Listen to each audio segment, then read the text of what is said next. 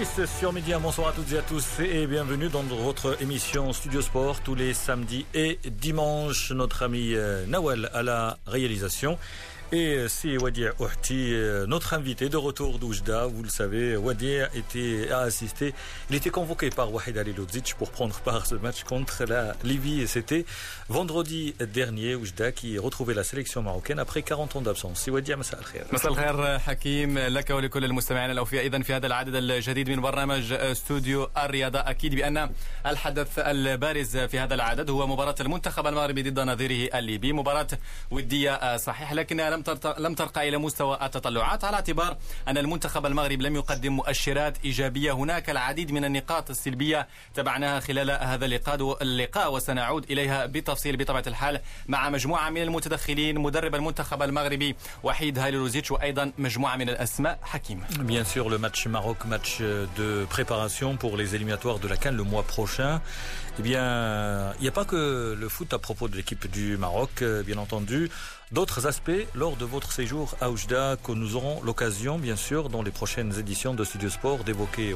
بالفعل حكيم قمنا بزيارة للعديد من المنشآت الرياضية في المنطقة الشرقية. ركزنا على كرة القدم. كان لنا لقاء مع رئيس العصبة جمال كعواشي أيضا مع مجموعة من الأسماء. المدير الجوي للشباب والرياضة بخصوص البنية التحتية في هذه المنطقة. أيضا على مستوى المشاكل التي تعاني منها الأندية الشرقية خصوصا مسألة التنقل على اعتبار أن وجدة بعيدة بمسافة كبيرة على باقي المدن الأخرى. على العموم سنقوم بإعداد ملف خاص عن كرة القدم والرياضة الشرقية في الأعداد القادمة. أيضا الجمهور الوجدي حكيم بكل صراحة كان متفائل كان سعيد باستقبال المنتخب المغربي. والدليل على ذلك الاحتفالية الجماهيرية. لم تكن هناك أداء كرة القدم على مستوى المستطيل الأخضر ولكن الجماهير حكيم قدمت لوحة فنية رائعة في المدرجات D'ailleurs, on a écouté le sélectionneur Wahid Ali Lodzic et les joueurs qui étaient déçus de ne pas avoir offert la victoire à ce public qui était chaleureux. D'ailleurs, le sélectionneur et les joueurs l'ont dit.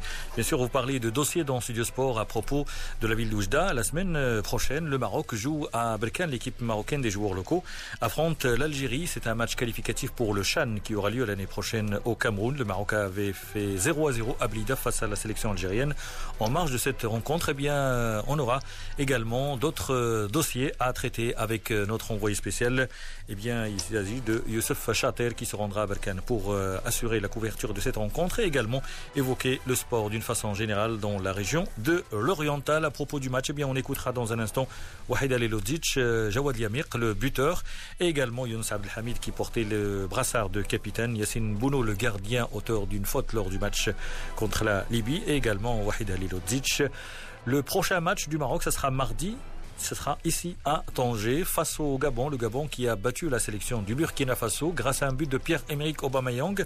De retour chez les Panthères, on parlera de cette équipe avec Hervé Penaud, notre consultant pour le football africain, le Gabon qui a raté la dernière Coupe d'Afrique des Nations. Et puis l'Algérie, championne d'Afrique en titre, a été tenue en échec par la RDC, un but partout.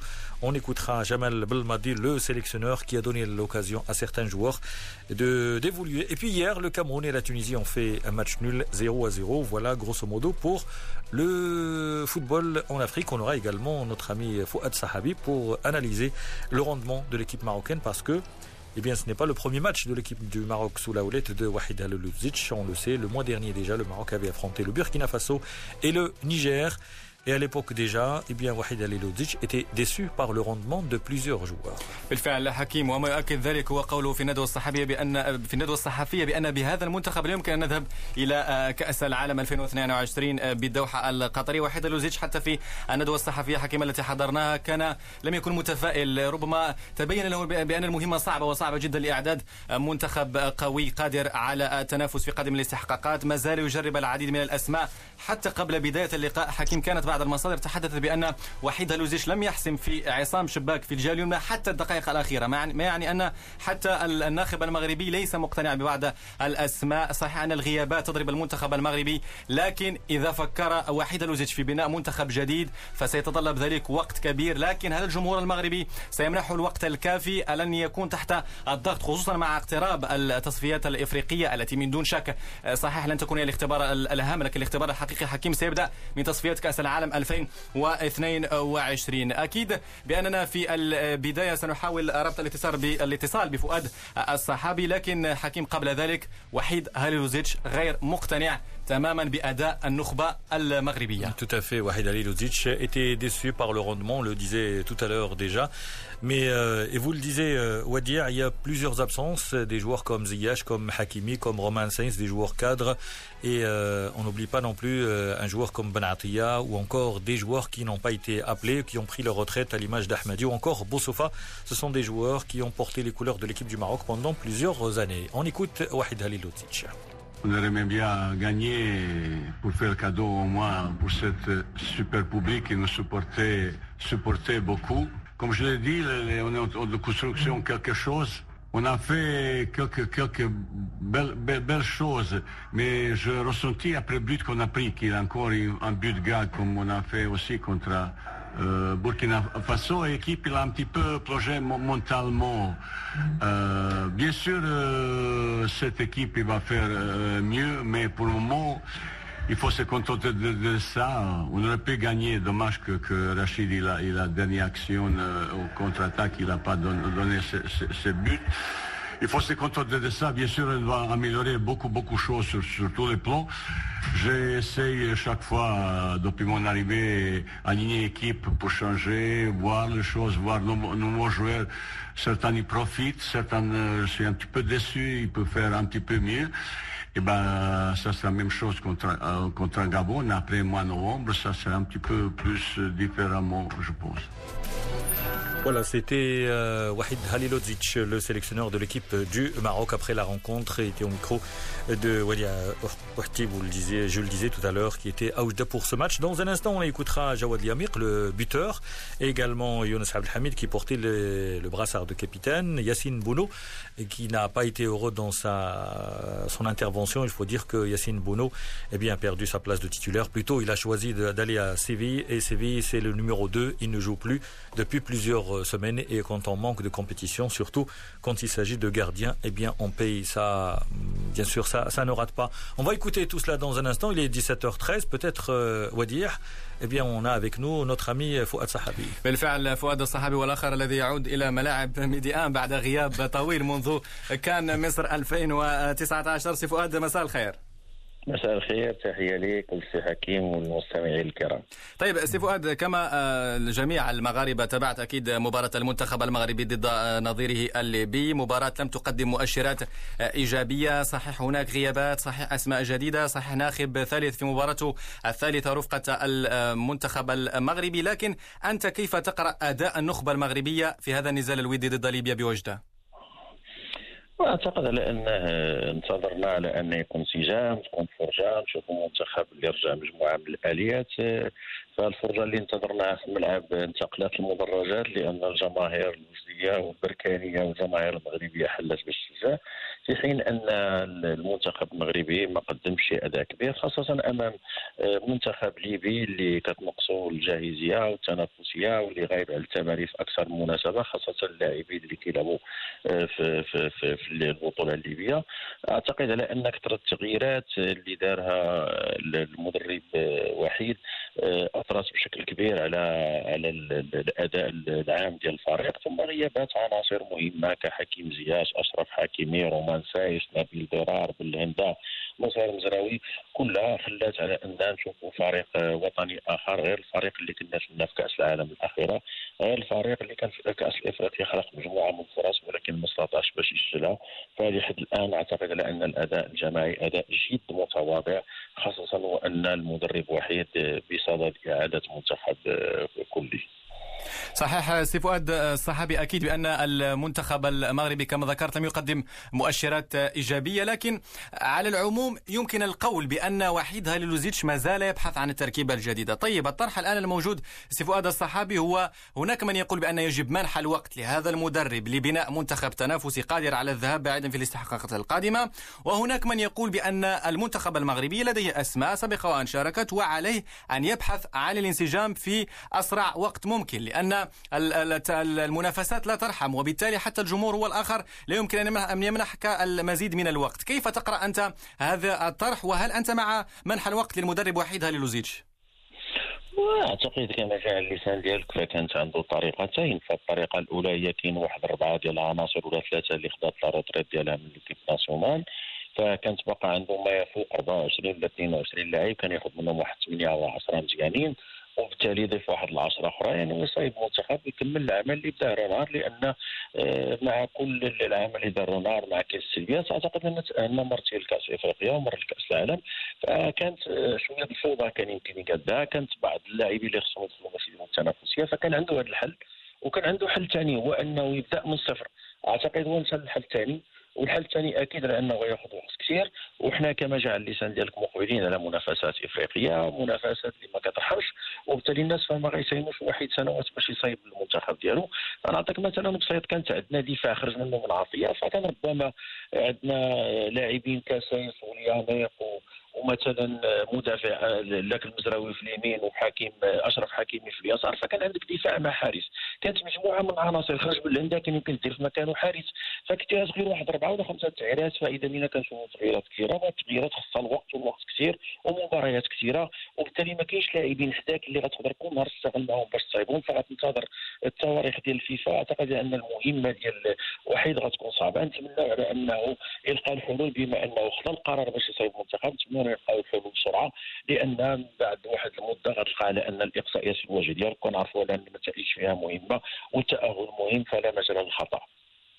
أكيد سي فؤاد ذكرت مجموعة من النقاط المهمة بخصوص المنتخب المغربي. تحدث أيضا على أن مجموعة من الأسماء لم تقدم تلك الإضافة المرجوة نتحدث الآن عن المنتخب الليبي. المنتخب الليبي الذي قدم وجه جيد. تابعنا المباراة عن قرب. هناك جمل تكتيكية واضحة. كان هناك تنظيم على مستوى البناء في الخط الأمامي. كان تركيز أيضا دفاع. كان حاضر بشكل كبير جدا. أنت فؤاد الصحابي عشت تجربة في ليبيا وكنت مشرف على نادي أهلي الليبي. كيف يحضر المنتخب الليبي؟ الكل يطرح سؤال كيف للمنتخب ظروفه؟ لا تسمح له بأن يعد بشكل جيد أن يكون بهذا المستوى. كيف يتم الإعداد في المنتخب الليبي؟ وأنت أيضا كنت قريب من التجربة الليبية. فاولا قبل ما نجاوبك على المنتخب الليبي أعتقد لأن يمكن لاعبين في المنتخب اللي آه، ظرف أن المنتخب الليبي كان كيضغط كان كيمشي بشكل جيد فكانت غتجينا الحلول من الظهيرة اللي هما السباك ومنديل. ما قدموا حتى شيء المنتخب الوطني. كانت حلول غتجي من عند اللاعب ديال الوسط اللي كيكون أمام الدفاع من عند فجر فجر رغم الأقدمية ديالو ما قدرش يقدم شي حاجة كبيرة. لا هو مرات باش يوصلوا الكرة الحارس وصلوها الادريسي ونضيف مرات فكانت تقوم كثير في نقل الهجمه كانت مجموعة من المشاكل لا هجوميا ولا دفاعيا. بالرجوع للمنتخب الليبي أعتقد أن المنتخب الليبي آه، ما لقاش امامه منتخب قوي بكل صراحة لأن المنتخب الليبي فاقد الجائزه والتنافسيه فكان أعتقد لأن لعبنا آخر دورة ديال الذهاب يوم 4 ماي ومن بعدها كانت طرات ظروف ديال الحرب في مدينة طرابلس الشقيقة.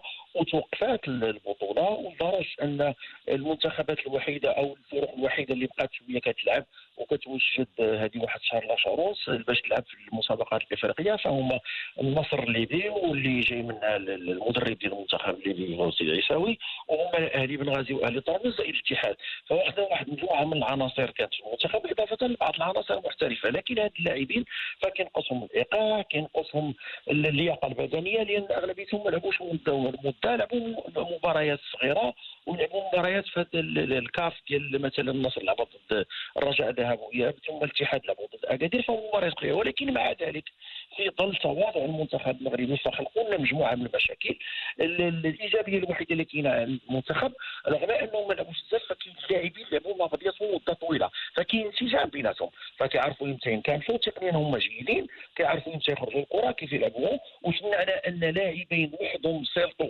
انيس وهوني لاعب ترجي فلاعبين الهجوم استطاعوا انهم يشدوا الكرة يستعينوا في العرضات على انهم يديروا ديفياسيون يديروا اختراقات وربما كانوا غير محظوظين باش يسجلوا أهداف أخرى خلقوا مجموعه من المشاكل. أعتقد على أن لا ستابيليتي اللي كاينة في المنتخب الليبي مجموعة من العناصر منذ مدة خلاته على انه يدير مباراة محترمة المركب الشرفي ديال الوسطى في حين ان المغترب المغربي اللي عرف مجموعه من التغييرات فلحد الان في المباريات الثلاثه ما لقيناش انسجام وهذا الانسجام هو اللي خصنا نبحثوا عليه في اقرب وقت والا غادي نكونوا عرضه لمجموعه من المشاكل امام منتخبات جد متواضعه Justement, euh, Sifo Adouadi le disait, le mot-clé c'est la stabilité. On l'a vu que l'équipe du Maroc, on a l'impression qu'on est en train de reconstruire une sélection alors que normalement il y a un socle, il y a un groupe. Et euh, là on se pose la question est-ce qu'il fallait manquer juste trois ou quatre postes à renforcer ou plutôt reconstruire une équipe dès le départ? Parce que quand on voit le gardien de but, le gardien qui est remplaçant, l'autre gardien qui est deuxième en deuxième division, le troisième normalement Rida Tagnauti est suspendu et après au niveau des latéraux, au niveau de la charnière centrale, au niveau du milieu, au niveau de l'attaque, on a l'impression que c'est une équipe qui est en reconstruction. بالفعل حكيم وهذا هو النقاش الذي كان مطروح حتى قبل بدايه اللقاء المنتخب الليبي وان التشكيله لم تكن واضحه، لم يكن احد يعلم ما هي ما من هم اللاعبين. Beaucoup d'absence, il y a beaucoup de forfaits. D'ailleurs, la question se pose à propos de forfaits de certains joueurs parce que sûrement la semaine prochaine, on va les voir avec leur club, que ce soit en championnat, que ce soit en Ligue des Champions. Donc, la question se pose quand même à propos de, ce, de cette cascade de forfaits. صحيح. وأيضا حتى على مستوى الفرق حكيم بين اللاعبين في الدوريات الأوروبية في المغرب. امين حارث كان هو أفضل لاعب في الشهر في نادي شالك 04 لم يكن حاضرا في هذه المباراة. أسامة الإدريسي يسجل أهداف جميلة يقدم رفقة أزيد الكمار مستوى جيد في تلك المباراة. كان غائب تماما. وهذا هو السؤال المطروح سي فؤاد الصحابي اليوم. أنت تعلم جيدا بأن أن تكون مدرب للنخبة ليس مدرب لفريق. الفريق لك احتكاك مع اللاعبين يمكنك أن تبني فريق بشكل أسرع لكن المنتخب ليس لديك وقت كافي. يعني لابد المناداة على أسماء جاهزة وأن تحاول مباشرة وضع فلسفتك التكتيكية والخطة المناسبة لإبراز قدرات هذا المنتخب. هل تعتقد بأن وحيد هاليلوزيتش سيكون مخطئا إن اتجه في ربما ناحية بناء منتخب جديد كامل؟ ألو. نعم أسمعك جيدا سي فؤاد صحابي أنا أعتقد أنه ما بين السؤال ديالكم ديال السي حكيم كاين واحد ثلاثة ديال ديال الأسئلة صغيرة. فأول سؤال اللي قال حكيم نتمنى على اننا الأسبوع الماجي ما نلقاوش مشاركة لاعبين اللي ادعوا فنتمنى ما يكونوش ادعوا الاصابه لأن إلى فقدوا الرغبة يلعبوا في المنتخب فغتكون كارثة لأن كاين لاعبين مهمين لأن ماشي بين عشاء وضحى تقدر تلقى لاعبين كحكيم زياش كأشرف حكيمي كرومان سايس كناديل ديرار كبلندا نصير مزربي هذو لاعبين مهمين كيلعبوا في انديه كبيره نتمنى على ان يكون باقي عندهم لوغو أنهم يلعبوا في ليكيب ناسيونال. يكون نتمنى على أنهم ما يكونوش زرزرهم لأن كاين هذه كثرة التغييرات. هذا السؤال الأول. السؤال الثاني اللي هضر عليه حكيم هو أنا أعتقد لا ستابيليتي ديال ليكيب تري انتريسونت لا بروف سي كو 86 شكون اللي قوانا من بعد خروج 79 أمام الجزائر ب 5 0 ولا ما شحال أعتقد انه ولات ليكيب ناسيونال معروفه فيها خليفة فيها المريج بياز بولي خياوي تيمومي اما الله. ودربنا كانت انستابيليتي ديكيب لعبات 82 جوج فيتراني ما لعبات 83 لي جو العربية هنا. لعبات 84 جوج اولمبيك 86 لا كوب دافريك 86 لا كوب دو ولات انستابيليتي الآن نهار نهار ضارب واحد 13 لاعب ومدة طويلة. اليوم كنشوفوا في كل مباراة كاين لاعبين. فأعتقد ان اللاعبين باش يخلصوا السجان فخصوا بزاف ديال الوقت. هذا بالنسبة للاستابيليتي على السي حكيم غنرجع الآن بالنسبة للسؤال ديالك باش تخلق لاعبين يكونوا البطولة المحلية؟ صعب. لأن الفول كل الريتم اللي كاين هناك التنافسيه الجاهزيه المستويات وهو بيدو جاوب عليها. واحد قال لك حتى بدنيا فاللاعبين ديالنا ناقصين بالنسبة ومقارنة مع اللاعبين اللي كيلعبوا برا والإيقاع ديالهم. وعطى مثل بالحداد اللي قال لك دخل رومبلاسون دار واحد ثلاثة وأربعة ديال لي روتور وبان على العيا. أعتقد انه يا أبو ولكن كاين لاعبين اللي يقدر يشتغل معاهم هنا باش يدير منهم على الأقل لاعبين في الدفاع في الوسط. ربما لاعبين قويين تكتيكيا وتقنيا ومهاريا. يقدر يجيب لاعبين. الآن ما أعتقد أن عنده الوقت باش كل وقت يبدا يقلب ويلعب فكان أعتقد على أنه كما قال السي حكيم كان يأخذ واحد اربعه ولا خمسة ولا ستة العناصر. يزيدوا على عناصر مجردة يخلي انستابيليتي في ليكيب لا أو نيفو الكابيتان ديالها لا أو نيفو ديلين ديالها. وما يبداش ازرو نبدا ازرو غيتعطل ومن بعد غتجي التصفيات وغنلقاو راسنا امام كوارث يكفينا أننا خرجنا في المنتخب ناقص نعم. 16 ناقص 18 المنتخب الأولمبي اليوم بقى المنتخب المحلي والمنتخب الأول فنتمنى على الأقل حفظ ماء وجه ماء كرة القدم الوطنية لأن عندنا من الإمكانيات باش نضاهيو أعتاد المنتخبات الإفريقية. نعم سي فؤاد صاحب الإطار المغربي شكرا جزيلا لك على كل هذه التوضيحات. مرحبا. إذا حكيم نواصل بطبيعة الحال ردود الفعل. نتحدث عن مدافع قدم مباراة جيدة جواد اليميق. جواد اليميق اللاعب الأسبق لفريق الرجاء البيضاوي مسجل الهدف. نستمع إليه بعد نهاية اللقاء. كتمشى في الجميع فكنشكر الجماهير الوجدية والمغربية عامة اللي جات ساندتنا صراحة كنا كنتظروا أن الملعب يمتلأ فاحنا كنشكرهم على هذا المجهود. ولكن صراحة أنا شخصيا جد محبط أننا ما فزناش وباش نديهم هذا الفوز هذا. بالنسبة للهدف ديالي فأنا جد فخور اني سجلت اول هدف مع الفريق الأول. فكنتمنى أنني نزيد نعطي العطاء ونزيد نقدم اضافه للمنتخب الوطني وشكرا. Jawad Diamir, l'ancien joueur de l'Olympique de Kholib du Raja de Casablanca, aujourd'hui en Italie, euh, le capitaine, de, le buteur, et le capitaine, c'est, eh bien, Younes Abdelhamid, il portait le brassard de capitaine, c'était une première, il était content d'être le capitaine de cette équipe. Et aurait aimé gagner ce match. On a tout donné, malheureusement on n'a pas gagné, donc il euh, faut continuer parce que la seule chose qui compte c'est les victoires, on joue, on joue pour gagner, on travaille bien, on, progresse, les entraînements se passent super bien. Voilà, la seule chose qui nous manque, c'est cette victoire pour euh, enchaîner les victoires, justement pour engranger de, la confiance, parce que on progresse dans le jeu, on progresse sur le terrain. Maintenant, il manque, on joue pour gagner, tout simplement. Donc, euh, donc euh, voilà, faut continuer pour gagner le match. C'est une grande fierté, une grande fierté pour moi d'avoir été capitaine. J'avais à cœur de, rendre cette confiance-là que le coach m'a donné, le staff et mes coéquipiers aussi, qui étaient là pour pour m'aider on sait que de, grands joueurs étaient capitaines de la sélection marocaine, donc c'est vraiment une, responsabilité. En tout cas, je suis très très très fier. Si je suis amené à être encore capitaine, voilà, je donnerai le maximum pour euh, aider l'équipe.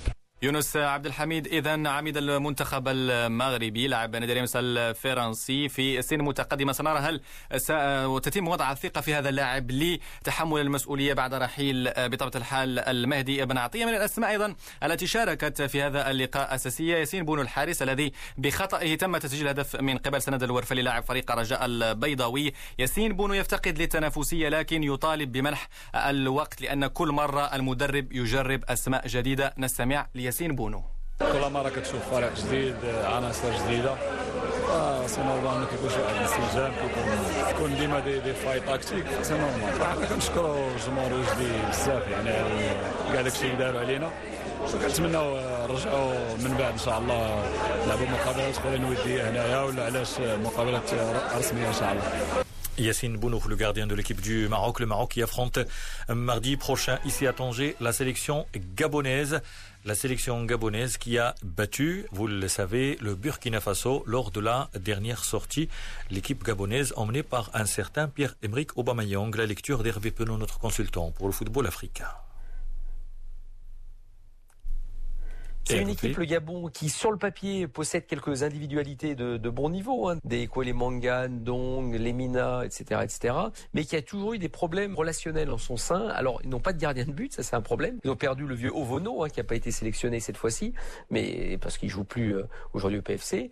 Il n'empêche que euh, cette équipe-là, sur le papier, avait quelques individualités et des gens susceptibles de l'amener. Alors, je ne dis pas que c'est le top euh, africain, hein, loin de là, parce qu'ils n'ont jamais prouvé d'ailleurs qu'ils pouvaient l'atteindre, mais il n'empêche qu'avec un, entraîneur qui saurait trouver le lien entre tous ces joueurs, on sait que Patrice Neveu connaît bien l'Afrique, hein, pour avoir beaucoup vadrouillé euh, sur le continent, et eh bien pourquoi pas euh, réussir à trouver enfin le sélectionneur qui, va ressortir la, substantifique moelle de, de cette formation, et ce sera logiquement avec Pierre-Emerick Aubameyang en tête de pont parce que c'est vraiment la star de l'équipe et, euh, il, a, il a envie en plus aujourd'hui d'apporter enfin à son équipe nationale ce qu'il ce a pu apporter dans ses clubs. Hervé Penaud, notre consultant pour le football africain, voilà pour cette première demi-heure consacrée à la sélection marocaine, l'équipe première puisque vous le savez, la sélection des joueurs locaux dispute samedi prochain à Berkane un match important, ça sera face à l'Algérie. L'Algérie, l'équipe A, elle, a été tenue en échec sur son terrain par la RDC, la République démocratique du Congo. Eh bien, on va revenir sur cette rencontre avec euh, notamment Jamal Balmadi. Il, reviendra sur cette rencontre à propos de la RDC des équipes africaines. Sachez que le Nigeria a fait match nul aujourd'hui face au Brésil sur le score d'un but partout. Lors du premier match déjà, le Sénégal avait neutralisé cette équipe brésilienne.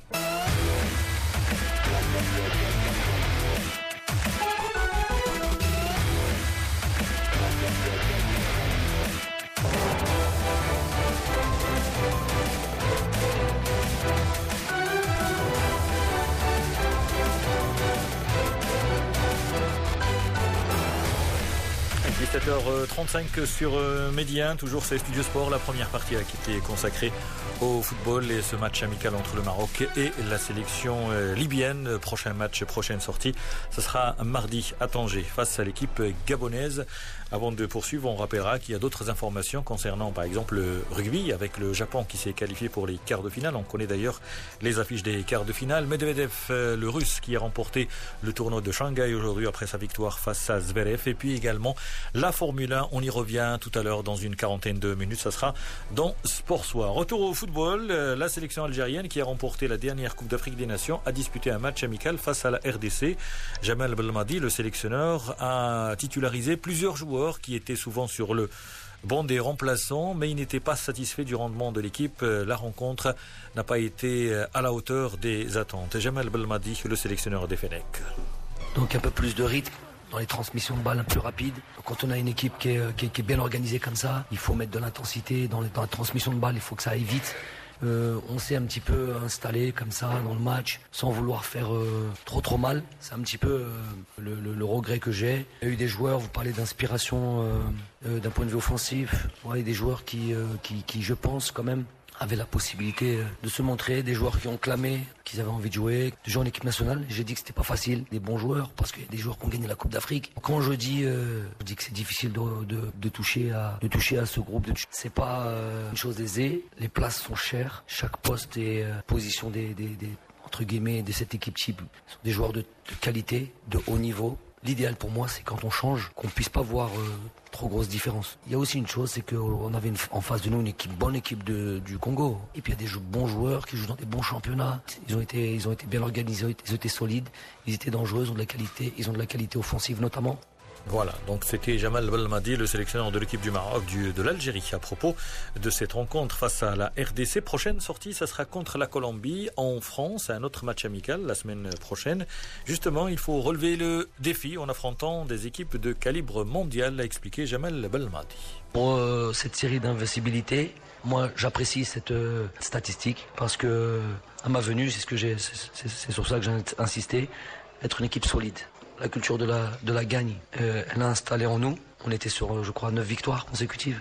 Mais moi, euh, ce que j'ai envie de donner à cette équipe-là, voilà, qu'on soit, qu'on soit bien solide. Maintenant, on va avoir un prochain adversaire sur la Colombie, un adversaire de taille, un adversaire, voilà, qui va nous donner un, football et technique et agressif. Voilà encore un, vrai gros test. J'ai hâte de voir comment on va se comporter dans, dans, ce genre d'opposition. On est champion d'Afrique, on doit assumer ce statut-là. On, doit, on va être l'équipe, l'équipe à battre partout où on va jouer. On doit l'assumer. On va voir si on est, on est capable. Les joueurs savent qu'ils ont un défi euh, énorme qui les attend, que ce soit à domicile ou à l'extérieur. On va jouer euh, avec, euh, avec ce statut-là. On va, on va voir où on est capable de pousser nos, limites et jusqu'où on est capable de, de, progresser. Nos, nos, prochains défis, on a ce match contre la Colombie et tout de suite va arriver ces matchs compliqués au mois de novembre.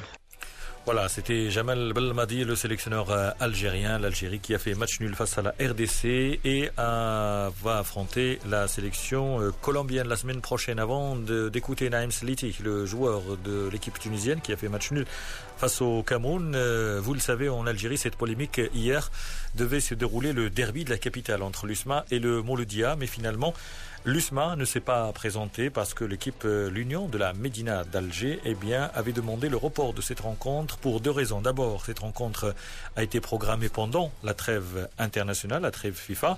De plus, c'est l'équipe de l'USMA a six joueurs en sélection, cinq avec l'équipe militaire et un sixième avec la sélection euh, algérienne.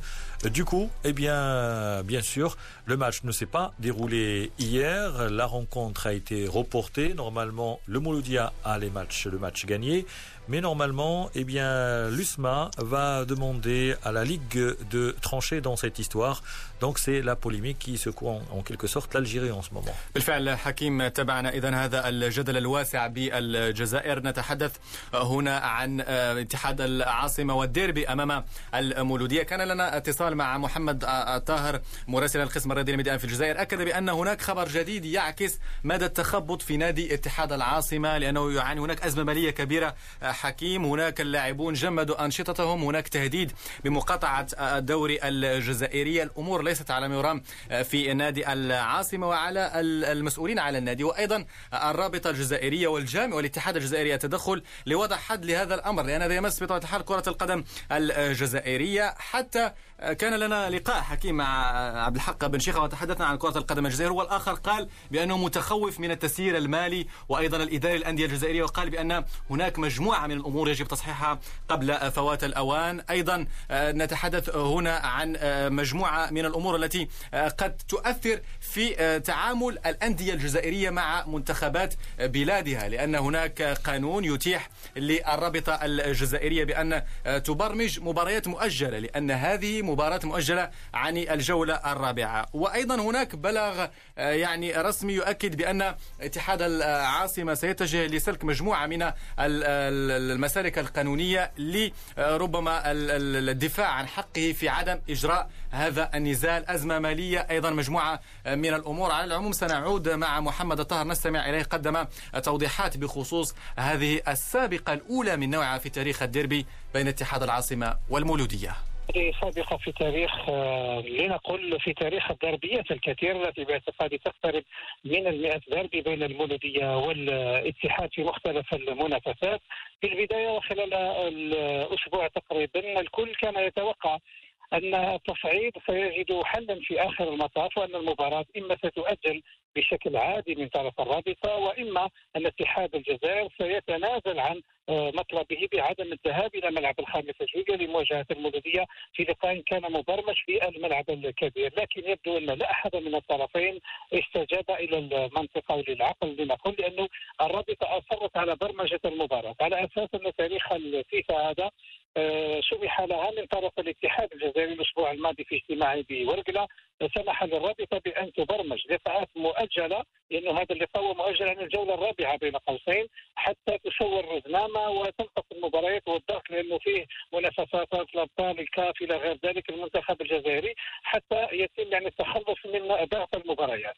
آه، لذلك فالرابطة تعتقد أنها من حقها أن تبرمج هذه المباراة وتقول بالنسبة للمعطى الثاني الذي يعتمد عليه الاتحاد أنه المنتخب العسكري فعلا يضم لاعبين الاتحاد ولكن يضم أيضا لاعبين من نوادي أخرى وبهذا المنطق فالكل سيطالب بتاجيل المباريات لذلك رفضت ذلك. أما اتحاد الجزائر فيصر على أن المكتب الفيدرالي السنة الماضيه قرر عدم إجراء المباريات في تواريخ الفيفا ثم أنه من حقه أنه لديه خمس لاعبين وليس لاعب واحد أو اثنين خمسه كاملين أربعة منهم أساسيين في المنتخب العسكري والمنتخب العسكري هو منتخب وطني على كل حال يمثل الجزائر.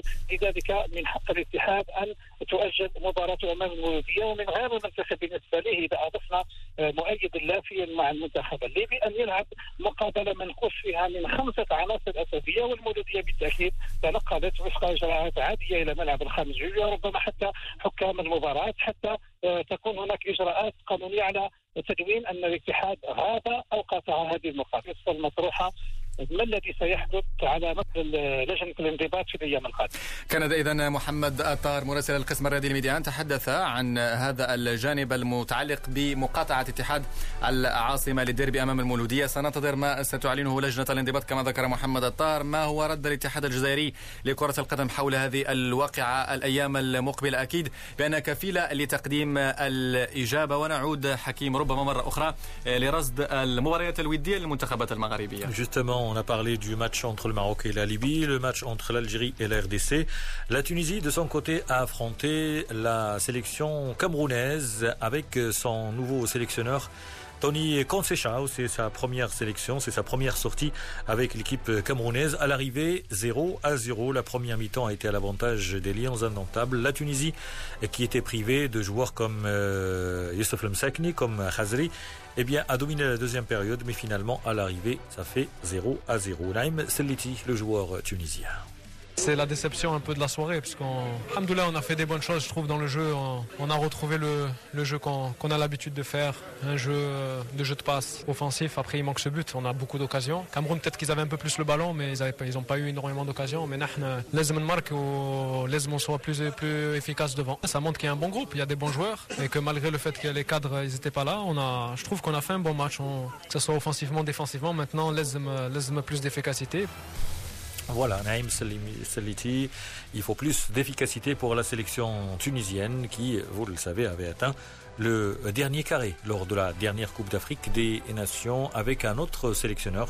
C'était, euh, on le sait, Alain Giresse qui a laissé sa place à euh, Monder Kbayer qui a pris la relève pour cette équipe euh, tunisienne.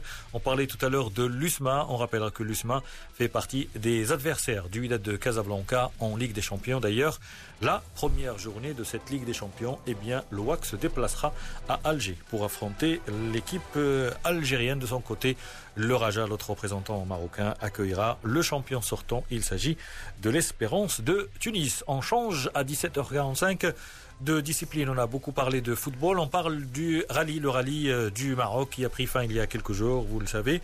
Et euh, côté marocain, il y a une première participation côté dames et également une première participation dans la catégorie des SSV. C'est Anas euh, Sormat qui a pris part pour la première fois à cette édition. On l'écoute.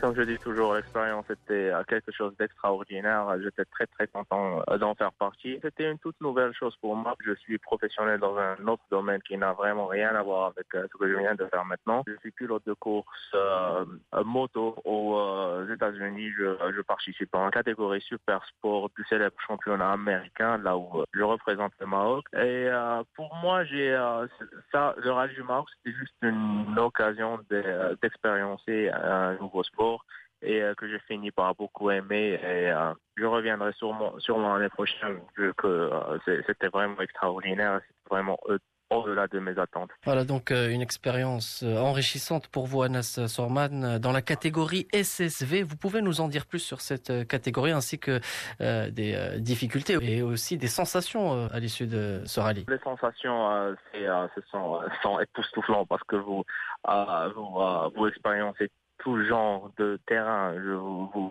roulez sur du goudron, sur euh, de la piste, sur du sable, entre les montagnes sur des rochers. Le parcours était très, très, très difficile et euh, très varié. Et pour la catégorie SSV, ce sont, je dirais pas des motos, mais des, euh, quads. C'est entre une voiture et une moto.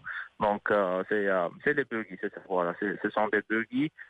c'est très léger, très puissant, très, très performant, très, très flexible, donc euh, ça passe un peu partout, ça roule sur le sable, ça roule euh, sur les montagnes. Donc euh, bah oui, je n'imaginais pas que ça pouvait passer aussi bien que ça. Très bien, alors vous avez porté les couleurs du Maroc lors de vos courses aux USA. Là, c'est la première fois au Maroc pour le rallye. Est-ce que vous avez emmagasiné de l'expérience? Est-ce que vous pourrez viser un peu plus pour les éditions prochaines? Bien sûr, bien sûr. Cette expérience pour moi cette année n'était que pour expérimenter un nouveau sport, euh, voir euh, comment les choses y sont, voir si je vais euh, aimer ça ou pas, mais que j'ai fini par aimer bien sûr. Donc si je reviens l'année prochaine, c'est seulement pour gagner ou bien pour faire des, des résultats extraordinaires. C'est ça l'objectif. Anas Sormat, le pilote marocain qui a pris part au rallye du Maroc qui a pris fin il y a quelques jours, était au micro de Ali Salahdin. Ali Salahdin qui a également eh bien, recueilli les impressions de Saad Moqtaderi qui a participé à cette édition dans la catégorie des TT, c'est-à-dire les tout-terrains. Cette année, il était très très difficile euh, par rapport à l'année dernière, avec des étapes très longues aussi, euh, en cesse Arfoot, Arfoot Fest, beaucoup de pistes caillouteuses et montagneuses. Il y avait deux concurrents euh, potentiels comme d'habitude. Sur ma catégorie Open, il y avait auto, donc la pétition n'était pas simple. Donc avec avec ma voiture très modeste, donc c'était dur et je suis contente de le terminer, d'avoir ce courage euh, jusqu'à la fin. Et, euh, voilà, euh, je suis vraiment très contente d'arriver à la fin la courageuse Souad Mourtadiri qui a fini donc le rallye du Maroc et très heureuse de l'avoir fait. Il nous reste cinq petites minutes moi-même avant de rendre l'antenne.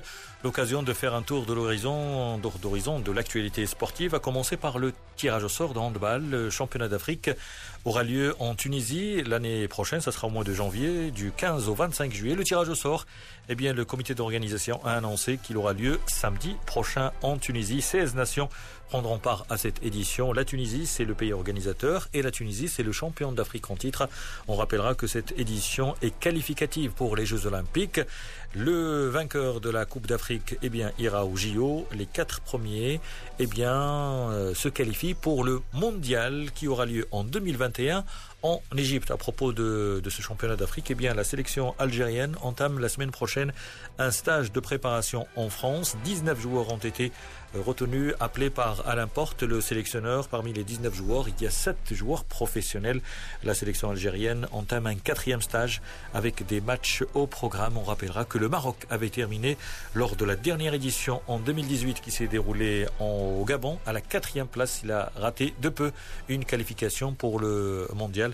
Le Maroc qui entame la semaine prochaine, plutôt la semaine d'après, un stage de préparation. Ça sera dans la ville d'Agadir.